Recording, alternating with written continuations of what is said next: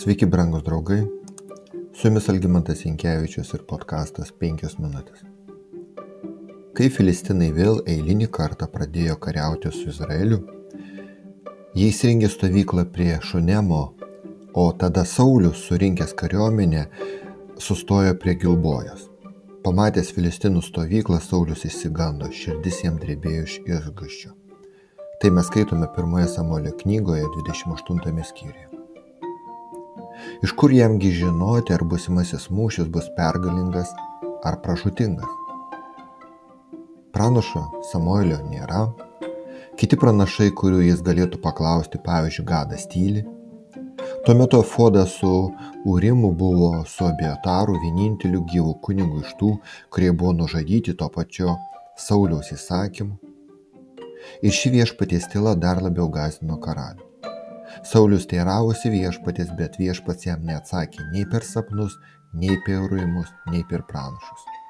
To pačio skiriaus šešta eilutė. Ir tada Saulius žengė beviltišką žingsnį. Jis nusprendžia kreiptis į spiritistą asmenį galintį iššaukti mirusias dvasias. Suraskite man moterį iššaukiančią vėlės, pas kurią galėčiau nueiti ir pasiteirauti. Norėdamas sužinoti ateitį, Saulis kreipėsi į informacijos šaltinį, kurį pats anksčiau buvo pasmerkęs, juk anksčiau Saulis buvo išvaręs iš krašto vėlių iššaukėjus ir žinius. Kadaise žmogus kupinas dvasinio pakilėjimo, dvasinio užsidėgymo dabar užleido vietą pagoniškiems prietarams. Išauk man Samuelį, paprašė Saulis Borėjas. Sauliui ne visadagi patiko Samuelio pranašavimai ir nurodymai. Kai Samuelis dar buvo gyvas, tačiau Saulis visgi suprato vieną dalyką - tai visada buvo Dievo žinia. Ką Samuelis sakydavo, ogi jis kelbė Dievo valią. Ir dabar Saulis, kreidamas į Siboriją, norėjo tokiu netinkamu Dievo akimis būdu paklausti pranašą, būtent Taip Saulis galvojo, kad tai bus Samuelis, pranašas, kad jis perduotų jam žinią iš Dievo, kuris seniai jam nieko nesakė. Dvasia, kurią Saulis priėmė kaip Samuelio dvasia išėjo žemės. Bet tai nebuvo Samuelis. Anksčiau Dievas parodė savo požiūrį į spiritizmo, atsiprašau, praktiką, ragindamas pasmerkti visus, kurie tai praktikuoja, kunigų 20 skyrius. Mokydamas, mokymas, atsiprašau, kad mirusiųjų dvasios gali grįžti bendrauti su gyvaisiais remiasi seniausia šetono apgaulė. Būdamas viliojančios gyvatės pavydalu, nedorilis Ievai pasakė, tu nemirsi, bet tu būsi kaip dievai. Pradžios trečias skyrius. Nuo tada žmonės nenustojo tikėti vadinamojo sielos sąmoningų buvimu po žmogaus mirties. Taigi žmonės, kurie taip tik iš tikrųjų tiki šetonu, kuris sako, tu nemirsi. Ir netiki Dievu, kuris mirti vadina nesąmoningo mirusiojo būseną, nes mirusioji nieko nežino. Mokytojo 9 skyrius 5 eilutė. Naujasis testamentas taip pat moko mus, kad nėra sąmoningos substancijos, paliekančios mirštančio žmogaus kūną. Priešingo atveju Biblijos mokymas apie mirusiųjų prisikėlimą atėjus Kristui antrą kartą praranda visiškai bet kokią prasme.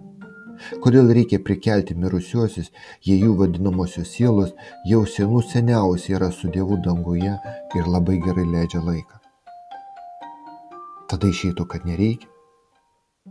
Griežtumas, kurio Dievas perspėja mus dėl praktikos iškviesti mirusiųjų dvasias ir užsimti bet kokią magiją, yra dėl to, kad su asmeniu, kuris bando užsimti, bendrauja nemirę žmonės, o demonai.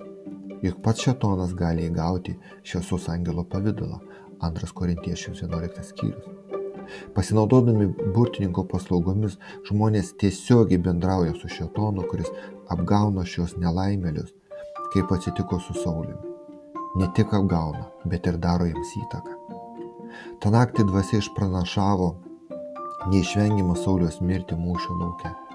Ir ne todėl, kad šetonas žinojo ateitį, o todėl, kad Saulius jau buvo taip toli nuėjęs nuo Dievo, kad niekas nebesustabdė šetono planų sunaikinti pirmąjį Izraelio karalių. Brangus draugai.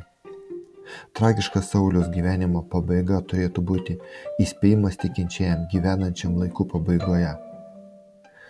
Kai aplink labai stipriai plinta ir yra praktikuojamas burtininkavimas, spiritizmas, atgimsta pagoniški kultai ir praktikos.